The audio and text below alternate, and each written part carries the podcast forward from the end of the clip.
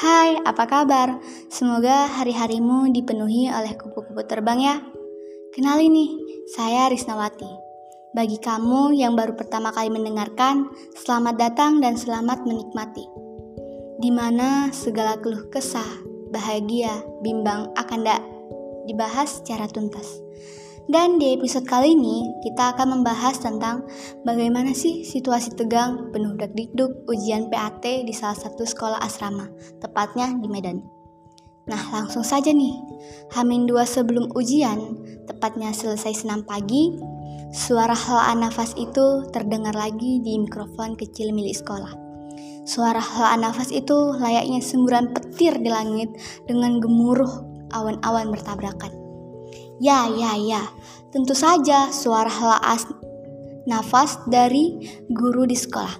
Wajahnya yang tampan, bijaksana, terpampang di depan sana. Diawali yel-yel dan diikuti dengan mahfuzot yang sering ia ucapkan. Sebaik-baiknya teman duduk ialah buku.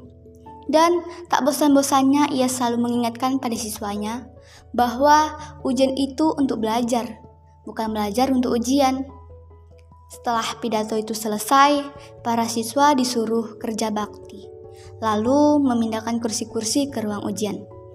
Hari Minggu ketika menuju ujian bukanlah hari yang menyenangkan. Terlebih lagi, ujian pertama pelajaran fisika. Di mana tuh?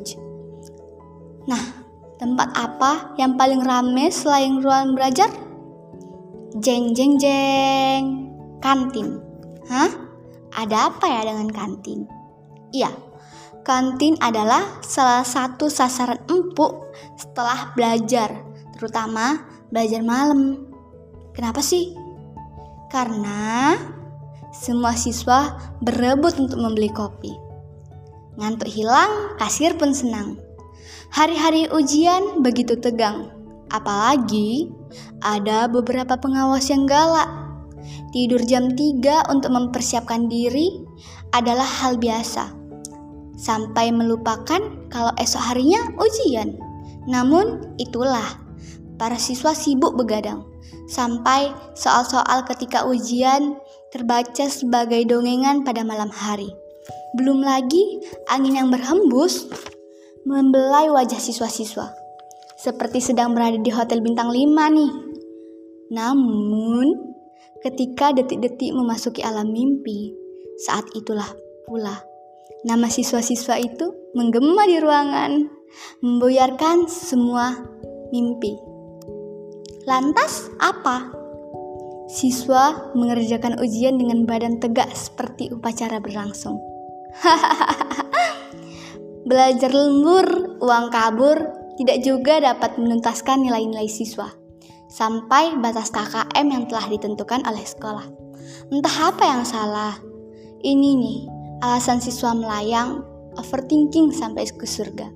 Iya, surganya soal-soal. Apalagi coba namanya, remedial.